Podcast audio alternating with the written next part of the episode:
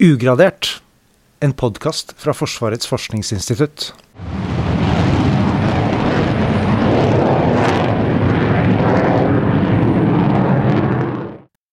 Forrige uke landa de tre første F-35-flyene på Ørland, og det var en stor dag for mange, bl.a. for Stian Betten, flyingeniør og sjefsforsker her på FFI. Velkommen til deg. Tusen takk. Ja. I dag så skal vi ha en skikkelig flynærprat hvor vi skal snakke litt om hva slags fly F-35 egentlig er, og hva den kommer til å bety for, for det norske forsvaret. Eh, og så skal vi snakke litt om hvordan FFI og andre i Norge har jobba for å teste og gjøre alt klart for å ta imot disse nye flyene. Du var jo oppe på Ørland da flyene landa, var du ikke det? Uh, nei, jeg var faktisk ikke det. Jeg hadde vært der oppe, og skulle egentlig ha vært der uh, når de opprinnelig landa, på torsdagen. Men siden de ikke fikk tankfly med seg, så landa de på fredagen. Så jeg var faktisk i lufta på vei sørover idet de landa. Jeg tror det eneste gang du har hatt et fly som har vært fullt av mennesker som med, med glede hadde godtatt 40 minutter forsinkelse på, for eh, takeoff. For flyet var fullt av folk som veldig gjerne ville se flyene lande. Men sånn var det rett og slett ikke. Det var en nedtur, da. Nå hadde jeg tenkt å spørre deg hvordan føltes det å være der da de landa, men hvordan ja, føltes det å sitte på flyet fra Ørland? Det var jo litt irriterende, og ikke hadde jeg eh, nett, ikke hadde jeg eh, noen ting, så jeg var nødt til å sitte og vente til vi landa før jeg fikk se det. Men, eh, og jeg har vært involvert i prosjektet siden 2003. Og dette er jo en milepæl, men de flyene de er der på mandag òg, og de er der på fredag, og, og de så det får, det får, bare være. Det var viktigere å komme seg ned igjen til familien enn å se akkurat disse flyene som eh, skulle lande akkurat den dagen. Nemlig, for du, du har sikkert sett det før, og du får mulighet til å se det igjen. Ja, det er korrekt.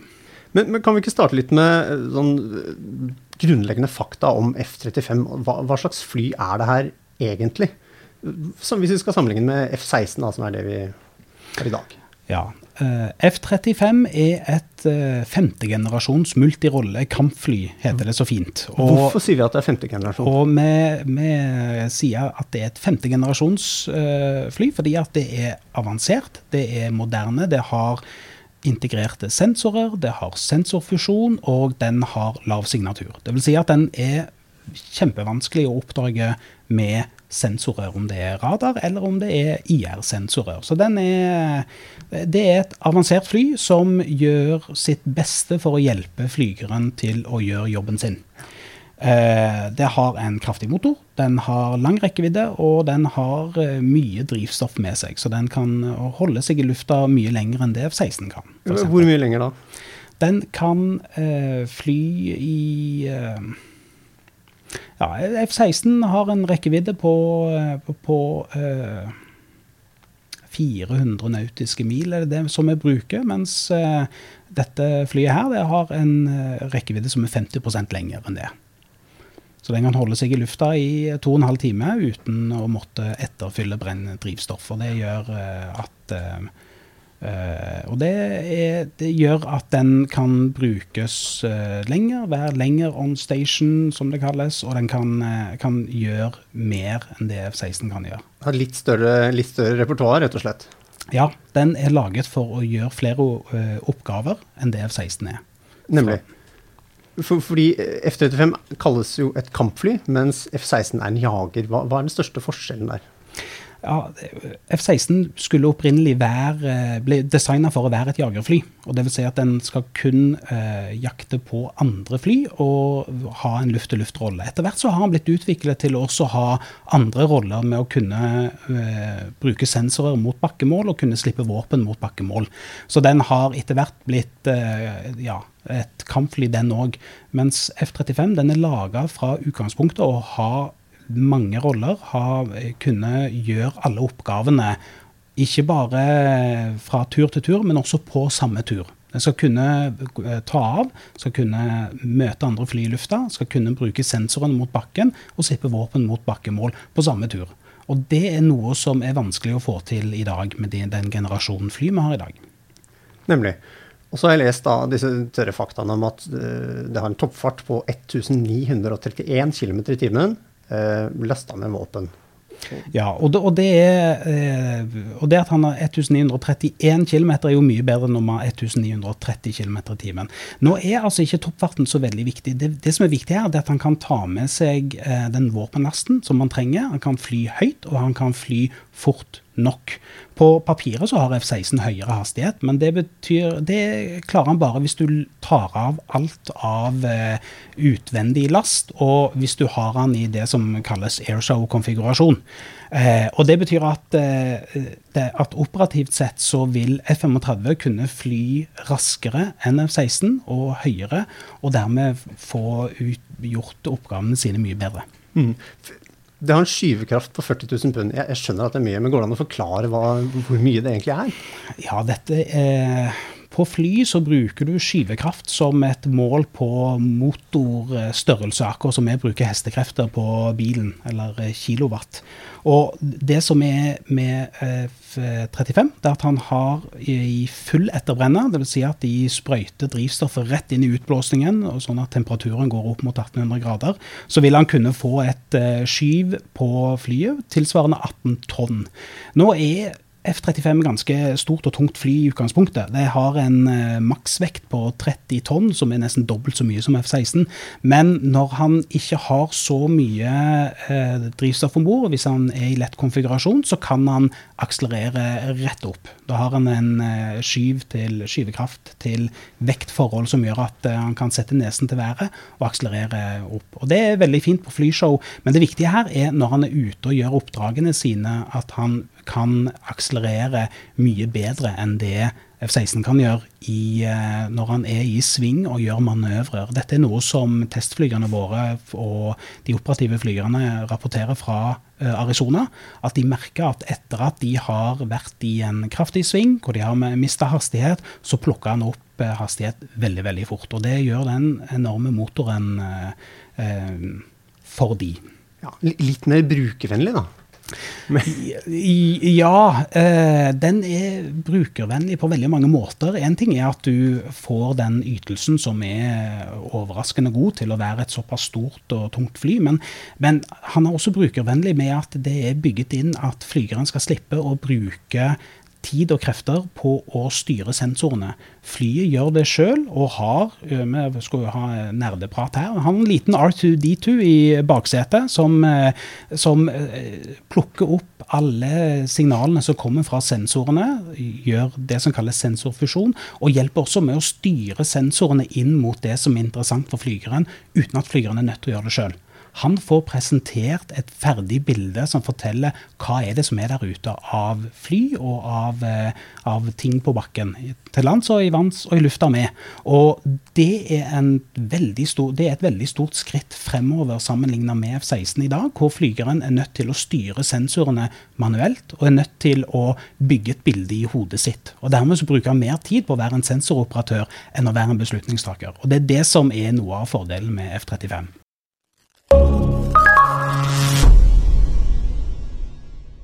Du nevnte at du har vært med på dette her siden starten. Den, den historien starta jo i, i, 2003, da det ble startet en kampflykonkurranse.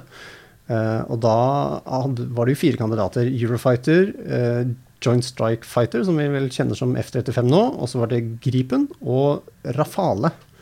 Er det, er det riktig uttale? Nei, det er Rafale. Rafale. Det, det er okay. fransk uh, fly. Nemlig. Hva slags rolle er det eh, vi på FFI har hatt i, eller hadde i den konkurransen?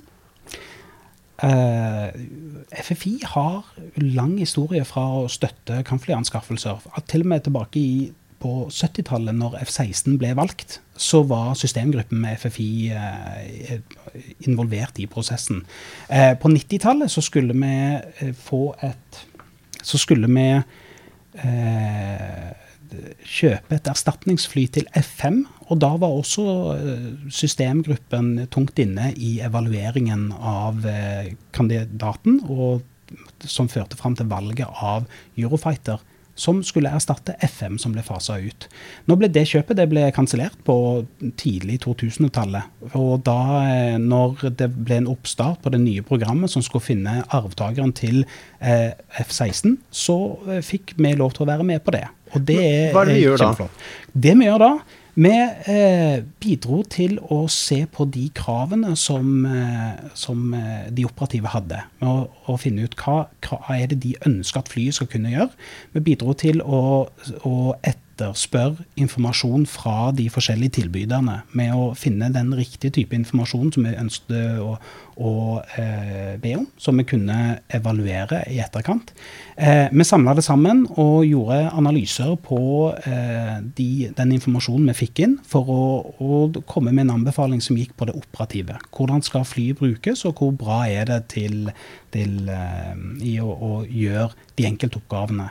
Eh, det som var nytt i denne eh, kampflyanskaffelsen, det var at vi fikk tilgang til simulatorer hos de forskjellige tilbyderne. Så vi var i tre forskjellige land og testet simulatorer, både når det gjaldt eh, handling og det å, å eh, fly flyet, men også for å sette det inn i en operativ sammenheng. Og da var vi i USA, vi var i Storbritannia og vi var i Sverige og testa det ut. Og Da bidro vi til å beskrive de scenarioene som vi skulle gjøre.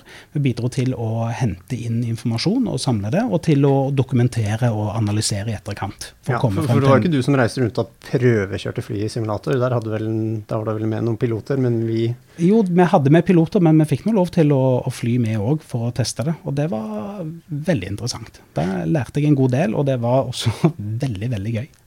Eh, I tillegg så har vi jo også ikke bare flydd i simulator, vi har også gjort antallsvurderinger av de enkelte flyene. Med å bruke simuleringsmodeller som eh, har bidratt til å finne hvor mange fly trenger du av den enkelte typen for å gjøre de oppgavene du skal gjøre, og for å få den ytelsen du trenger. Eh, og de, Det har gjort at vi har, eh, har, kunnet si hvor mange fly du trenger, som har bidratt til kostnadsberegninger. Nemlig antallsvurdering. Altså, hvordan kommer man fra Nå skal vel planen er vel å kjøpe 52 Inntil 52 F-35? Det er riktig. Vi skal ha inntil 52 eh, F-35, og hvor fire skal være i Arizona og hjelpe til med trening, mens 48 skal være i eh, Norge. Ja. Hvordan kommer man fram til tallet 48? Altså eh, en god gammel historie er at den gangen man skulle velge F-16, så satt de, en, eh, eh, satt de, på et bord og gjorde noen beregninger på baksiden av en serviett, og kom fram til tallet 48. Eh, vi har tatt den servietten og putta inn i en simuleringsmodell. Som betyr at vi putter inn eh, For eh, F-35 så har vi 3000 komponenter som flyet er bygget opp av. Og det har pålitelighetsdata med seg, dvs. Si hvor eh, lang tid tar det mellom hver gang det, det feiler. Det, vi har inne data for hvor lang tid det tar å bytte delen eh, og gjøre feilsøking. Og dette her har vi kobla sammen for å, å vise eh, hvor mye skal til for å produsere det antall flytimer du trenger. Nemlig, for det handler om hvor mange som er eh, operative og er, kan være i lufta til enhver tid. Ja, og én ting er hvor mange som kan være i lufta, men eh, som eh, mesteparten av tiden så står flyene på bakken. For de trenger vedlikehold. De, eh, de er kompliserte system som eh, feiler uh, dessverre litt oftere enn en iPhone uh, gjør. Vi har jo alle problemer med telefonene våre i ny og ne. Når du har så enorme, enormt kompliserte system som, som disse flyene er, så, så, er det, så, så skjer det at datamaskinen ikke virker, og det er systemer som ikke starter opp, og, og ting som må repareres. Uh, det den simuleringsmodellen gjør, det er at han ser på eh, hvert eneste individ. Eh, ser på hvordan, eh, hva, hva, den gjør. Eh, hvordan, eh, hva vedlikehold den får når han er oppe og flyr. Og eh, vi gjør statistiske trekninger på, på feil som eh, skjer, og hvor lang tid det tar før den feilen er retta. Dette er koblet sammen med flygerne, som har et behov for å gå gjennom en årlig trening. De, et, eh, de må følge et visst treningsprogram for å, for å, kunne være både dyktige flygere til å, å, å trygge flygere, men også for å kunne, kunne gjøre oppgavene sine. Eh, dette blir satt sammen, som gjør at eh, hvor vi skrur på vedlikeholdskapasiteten, vi skrur på antall fly, og så ser vi på det overordna som er hva skal du gjøre, hva skal flyene gjøre, og hva skal de gjøre samtidig. Eh, og dette er et ambisjonsnivå som har kommet fra politikerne, som sier at er flyene de skal kunne gjøre dette og dette og dette samtidig. Og så ser vi på hva skal til for at denne flyflåten klarer å løse de oppgavene som er pålagt fra, mm. fra politikerne. Ja.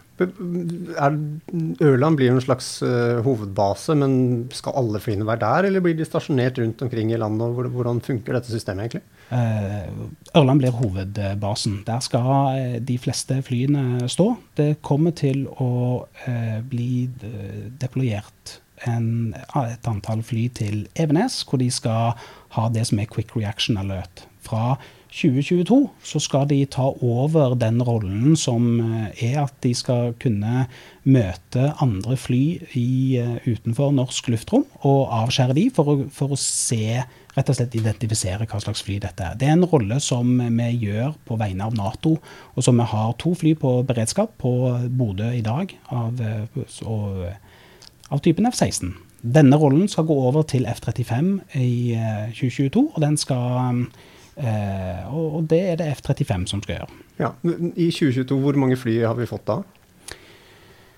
Nesten alle, tror jeg vil, tror jeg vil si. ja. Vi har en leveringstakt på at vi kommer til å få levert eh, seks fly i året fra og med neste år. Så da, da, da, regner vi med at Så da vil nesten alle være på plass. Mm. Jobben vår slutta jo ikke i, i, 2008, da valget på, falt på F-35. Så hvordan har vi, hvordan vi jobba med det prosjektet her fra 2008 og fram til de første flyene landa nå? Eh, det vi har gjort, eh, er at vi har, vi har gjort finberegninger på antallet. For fra valget ble gjort fram til anskaffelsesbeslutningen, så var det viktig å ha et så grundig beslutningsgrunnlag som mulig, som eh, man kunne bruke før man gikk til Stortinget og ba om at dette flyet skulle anskaffes. Eh, så det har vi gjort mye arbeid på. I tillegg så har eh, det operative miljøet har begynt å se på hvordan skal de faktisk bruke flyet. Så vi har støtta eh, de operative i Luftforsvaret med å være i simulatorer eh, hvor de har gjort forsøk på, på taktikker og måter å bruke F-35 på. Dette, der har vi bidratt med å beskrive scenario, beskrive hvordan dette skal implementeres i simulatoren. Og så har vi også vært til stede og dokumentert det de har gjort, og de lærdommer de har fått. Um, det viktige har nemlig vært at de vet hvordan de skal bruke flyet når det kommer til Norge i disse dager, og at man ikke begynner på jobben nå. For da vil det være for sent å skulle øh, å skulle begynne å finne ut hvordan du i hele tatt skal bruke dette flyet.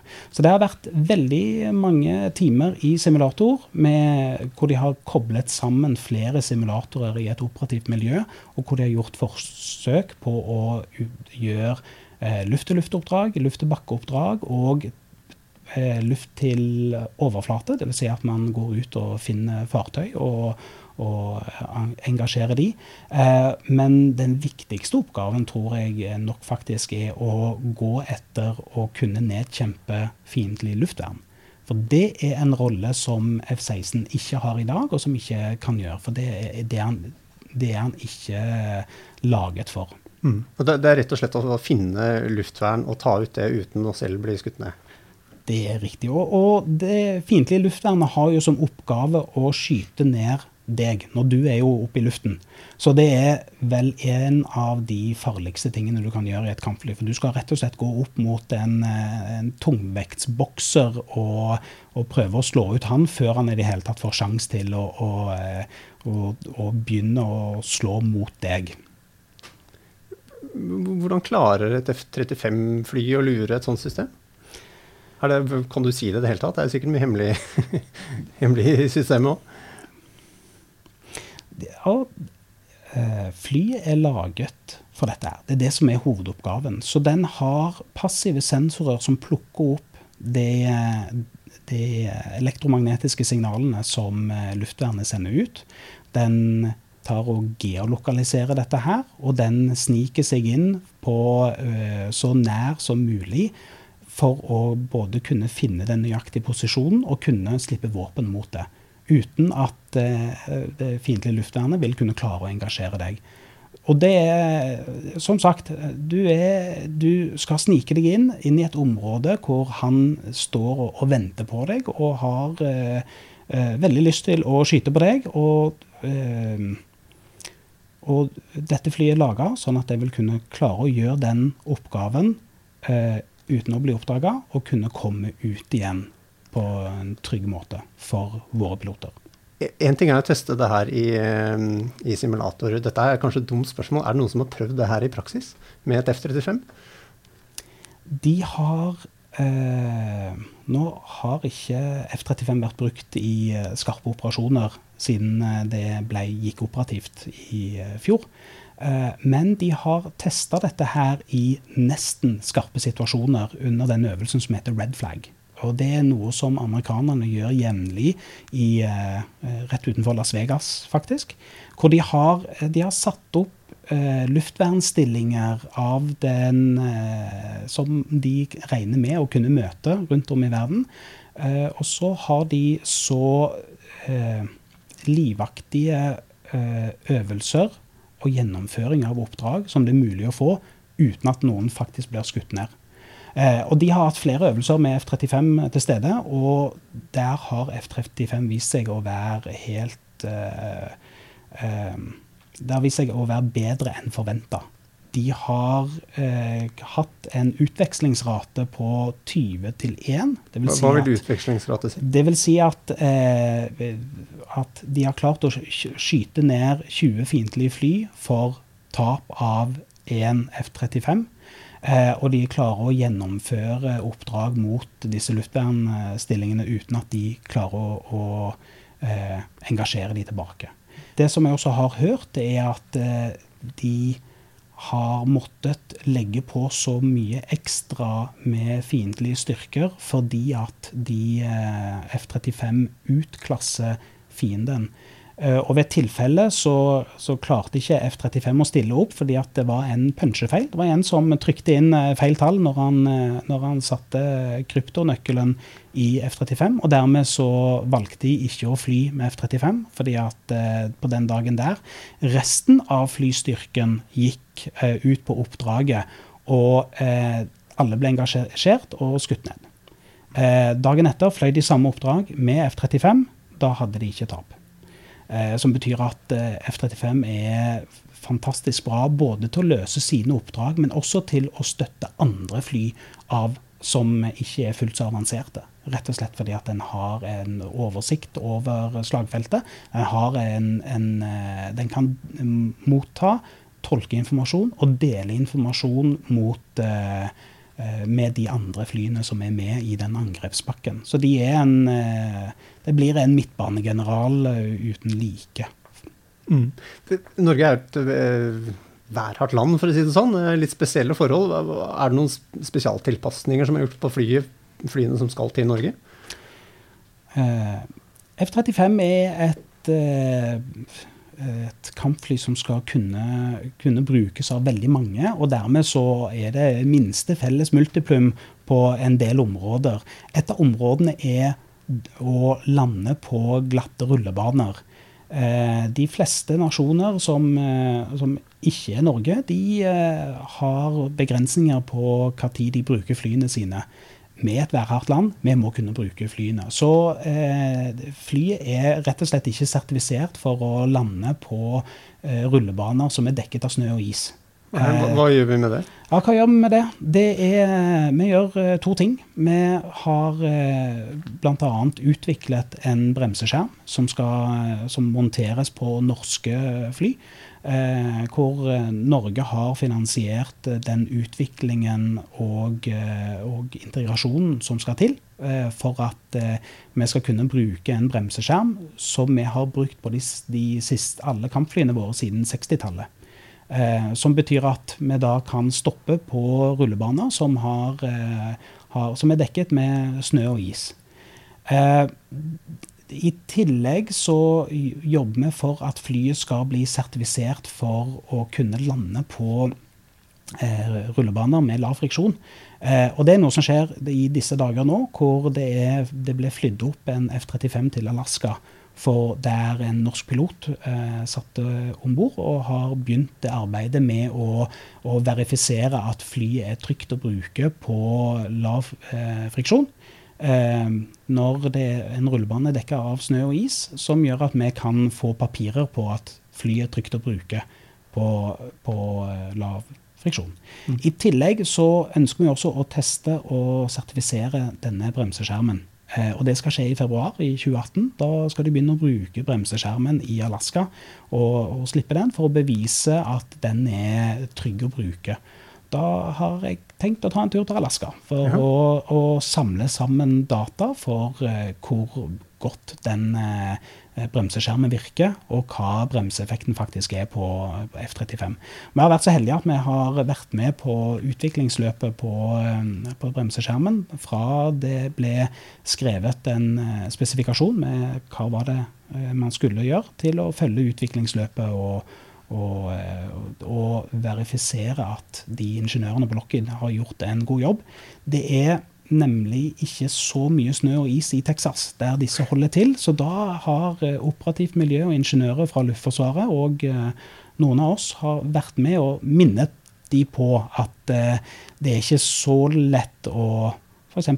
Um, eh, eh, bruke et system i minus 20 grader på Banak som det de har lagt opp til. Så, så med operativ kunnskap fra Norge har måttet tilflyte ingeniørene i Texas. Nemlig. Men, men, en sånn skjerm har, den har ikke vært brukt i praksis ennå? Eh, eller den må jo på en måte testes før man flyr opp med den? Altså, bruker du simulatorer der òg, da? De har testa skjermen i sommer. Da var de på, eh, i ørkenen på, i California og testet at den faktisk virket. Eh, men før det så var vi nødt til å verifisere hele konseptet. Vi har veldig mange flygere som har mye erfaring med å fly F-16 eh, i det været vi har i Norge, som kan være ganske dårlig, for å si det mildt. Um, den erfaringen som de har, den tok vi inn i uh, å beskrive den løsningen vi ønsket for uh, Lockheed. Men vi satt med en, en følelse at vi, vi, var ikke sikre på at den løsningen vi ønsket, faktisk var eh, riktig for F-35. For F-35 er svært forskjellig fra F-16. Eh, understellet er plassert mye bredere. Det har to haler. Det har en mye større eh, vingeareal enn eh, F-16, så vi var usikre på bl.a. værhaneeffekt på, på flyet. Dvs. Si når du lander med sidevind, hvor mye vil flyet vende nesen inn i vinden, spesielt når du har bremseskjerm på. Og også hvordan vil det oppføre seg når du kommer ned og lander rett og slett eh, sidelengs. Når du har sidevind og lander, så kommer du ned med en vinkel hvor, eh, som eh, det er vel bare Widerøe i Norge som flyr med til daglig.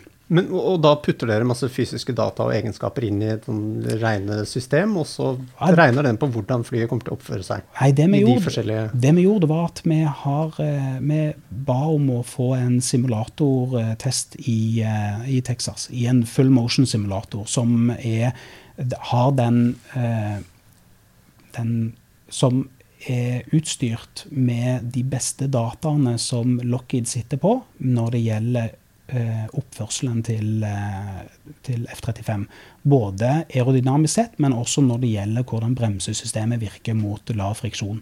Um, I og med at det er vi som var interessert i å, å bruke F-35 på is og snø, så, så, var det litt opp til oss å skulle drive frem den løsningen. At vi skal se på dette problemstillingen i det hele tatt. Så det vi gjorde, vi, vi reiste en, en, en, del piloter, noen ingeniører og en, del forskere til denne simulatoren og gjorde forsøk på en Eh, med landing og med avbrutt avgang og med bruk av skjerm i forskjellige situasjoner. Alt fra tørr og fin rullebane i finvær ned til våt holke med sidevind og eh, på opptil 35-40 knop, og eh, med, med, vindkast i tillegg. Skikkelig Eller en normal dag på Vestlandet, som man hmm. kan kalle det. og det vi fant ut, det var at flyet virker veldig stabilt. Det er mer stabilt enn F-16 på, nettopp pga. de eh, faktorene som jeg nevnte, med at eh, understellet står bredt. Det har effektive bremser, det har to haleflater, og det, har, eh, og det, det er i, det hele veldig stabilt. Og en av flygerne sa It looks too good to be true. Men det vi faktisk har hørt fra de operative, som nå har flydd flyet i snart et år, at det er faktisk eh, flyet oppfører seg på den måten som vi så i simulatoren. Og dette gjorde vi i to, 2013, eh, og det var et viktig milepæl for å kunne ha den tryggheten og gå videre med løsningen før man begynte på selve produksjonen av de eh, bremseskjermene. Mm. Er, er, de, er, Norge de eneste som skal faktisk lande disse flyene på snø og is? Uh, jeg tror Norge er vel de eneste som eh, har det som et operativt krav at man skal kunne gjøre det. For det må vi kunne gjøre. Men Nederland de har kjøpt seg inn i den løsningen. Så, flyene som de kjøper, skal kunne eh, montere på bremseskjerm hvis de velger å gå for den løsningen etterpå. Det har blitt gjort noen eh, endringer i strukturen inne i flyet og i hydraulikksystemet. Men det som skjer med at vi finansierer den løsningen med at, eh, at, flyene blir sertifisert for lavere friksjon, kommer til, eh, til, å komme alle partnerne til gode. Fordi at de som, som, ønsker det, vil da kunne lande flyet på lav friksjon. Det er kanskje ikke så mange som ønsker det, men det er jo veldig fint å ha muligheten.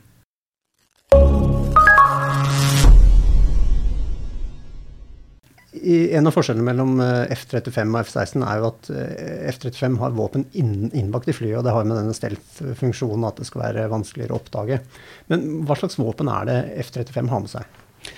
F-35 har med seg inni eh, bomberommet så kan du ha med seg luft-til-luft-missiler. Dette er de eh, AMRAM, radarstyrte missilene, som eh, også brukes på F-16 i dag. I tillegg så kan det ha med seg laserstyrte bomber. Det kan ha med seg bomber som bruker GPS for å styre seg inn mot målet. Og skal også kunne ha disse small diameter bombs, som er små, svært presise glidebomber, som dermed har en presis effekt. og, og ikke har den enorme sprengeffekten som, som, man egentlig ikke trenger i alle situasjoner. Eh, og, det, og, det, kan du bære internt. I tillegg så kan du bære våpen eksternt hvis du ikke trenger å bruke denne lavsignatureffekten. Som betyr at eh, flyet er sertifisert for å kunne ha med seg nesten ni tonn med, med våpen, som er mer enn det B-17 hadde under annen verdenskrig. Det, det, men det er en en operativ vurdering som de må gjøre, om du skal kun ha våpen internt, eller om du også skal laste det opp eksternt. Mm.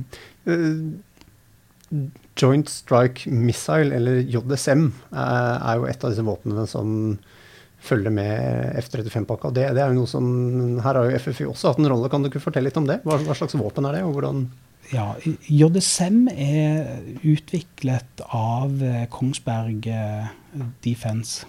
Uh, og er basert på Naval Strike Missile, som uh, brukes som, uh, som på, i den norske marine, og som også er solgt til flere andre land. FFI har i mange år vært bidragsyter og bidratt til å utvikle både søker og konsept for disse missilene. Men det vi har gjort konkret i prosjektet her, det er at vi har bidratt til å se på operasjonskonseptet. Dvs. Si, hvordan skal F-35 bruke sensorene sine for å kunne utnytte JSM sine egenskaper. Eh, og da er de, de langtrekkende sensorene til F-35 bidrar godt til å kunne gi måldata til eh, JSM-missilet. Og når du har en våpendatalink, så kan du også oppdatere disse koordinatene som du har gitt til missilet, mens missilet er i flukt. Dette er et eh, kalles Network Enable Weapons-konsept, og, og, der er Norge langt fremme når det gjelder tankegang på hvordan man skal bruke disse våpnene. Og Det vi har gjort der, det er igjen, vi har vært i simulator og gjort forsøk for å se hvordan skal du utnytte dette her, og hvordan kan du best mulig bruke den kombinasjonen av F-35 og JSM for å kunne engasjere tungt eh, beskytta maritime mål. Når du sier langtrekkende sensorer, hva, hva er det for noe? Langtrekkende sensorer Du har eh, passive sensorer. Dvs. Si at du kan plukke opp eh, radarsignaler og radiosignaler fra de som måtte sende det ut på lang eh, avstand. Du har infrarøde sensorer som kan eh, se i det infrarøde spekteret. Og så har du da spesielt en svært kraftig radar som du bruker akkurat når du trenger det, på en veldig målretta måte for å kunne både finne og identifisere eh, mål. Mm. Nå har vi jo kjøpt og fått de aller første flyene. Hva, hva, hva skjer framover nå? Hva er det du holdt på med? Dan? Bortsett fra å jobbe med denne skjermen. Nei, det som skjer fremover nå, det er at eh, nå må Luftforsvaret lære seg å fly F-35 i Norge. Har, eh, vi har piloter som har eh, mye erfaring med F-35 i ørkenen i Arizona. Men det er noen spesielle forhold her i nord som vi må teste og verifisere at eh, F-35 håndterer på en god måte. Så nå går vi inn i en fase som heter Operational Test and Evaluation, som kommer til å gå fremover i flere år, faktisk. Men det første milepælen er når flyet skal gå eh, operativt i 2019. Da vil det få det som heter Initial Operating Capability, og så kunne brukes operativt i enerolle. Eh, og etter hvert så, som eh, flyene blir eh, oppdatert med ny software, som kommer til å skje jevnlig, så vil det også få mer og bedre egenskaper, som inkluderer bruk av JSM-missilet. Som fører til at i 2025 så skal flyene være, alle flyene skal være i Norge, alle flyene skal være operative. Alle flygerne skal, være, skal kunne benytte dette her.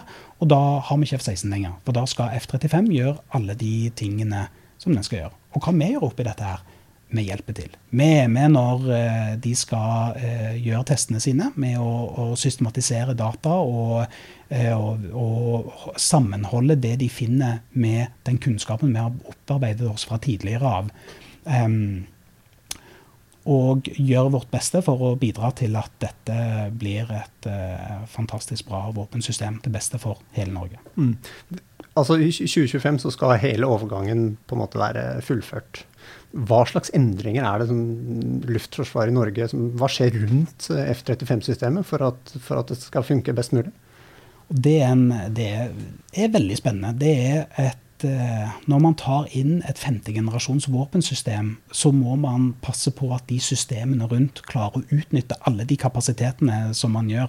Og dette er Luftforsvaret i full gang med. De har eh, starta et prosjekt her på FFI som eh, skal bidra til å se på den biten der. Og med den simulatoraktiviteten som, som vi har deltatt i siden 2004, så vil jeg jo uh, si at det å prøve ut dette her i simulator, med å koble sammen flere komponenter for å gjøre forsøk på hvordan uh, man faktisk skal utnytte dette her, det er en, en veldig uh, kraftig måte å, å finne ut hvilke endringer man må gjøre, og også finne ut forslag på hvordan man skal gjøre disse endringene her. Men det er, vi er midt i støpeskjeen nå. Det er En ting er at Luftforsvaret skal ta inn over seg at de får en en fantastisk kraftig plattform. Men det er resten av Forsvaret òg får muligheten til å utnytte disse kapasitetene. Med Sjøforsvaret som er, er, veldig klar til å kunne koble på fregattene sine opp mot uh, F-35, og med Hæren sine, sine fremskutte forward controllers. Så det, dette, er en, uh, dette, er en, spennende tid vi går inn i, hvor uh, hele Forsvaret skal, skal, få lov til å, å være med og ta imot dette våpensystemet. Det kommer til å bli mer samarbeid mellom våpengrenene, altså? Ja.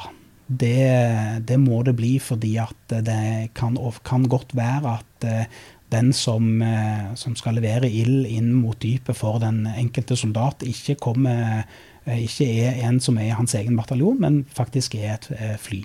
Og likeledes med marinen. At det, er, det, kan faktisk være marinen som leverer Naval Strike Missile inn mot mål som er anvist av F-35. Det er samvirke med og måte å snakke sammen på som er den, den, den, beste måten å utnytte dette flyet på. Da tror jeg vi Det er på tide å runde av. Tusen takk for at du kom, eh, Stian Betten. Har du noen fyndord som kan se inn i framtiden med F-35 og norsk luftforsvar? Du, Er vi ferdige allerede? Du sa jo vi skulle snakke nerdeprat. Det jo, har jo eh, Jeg har jo mye mer å kunne snakke om dette her, men eh, eh, OK, da. Nei. Eh, vi har eh, jeg har fått lov til i mer enn 15 år å jobbe med noe som er ufattelig interessant, og som er, er, er sinnssykt gøy. Uh, og det, det, setter jeg kjempepris på. Og jeg, jeg håper alle andre òg har en mulighet til å, å, kunne ha en så interessant jobb som det jeg har. Det er virkelig å anbefale. Mm. Kan vi ikke si det sånn at vi, du kommer tilbake hit om fem år, når vi har fått testa litt mer om hvordan eh, det her systemet fungerer? En avtale. Fint. Tusen takk.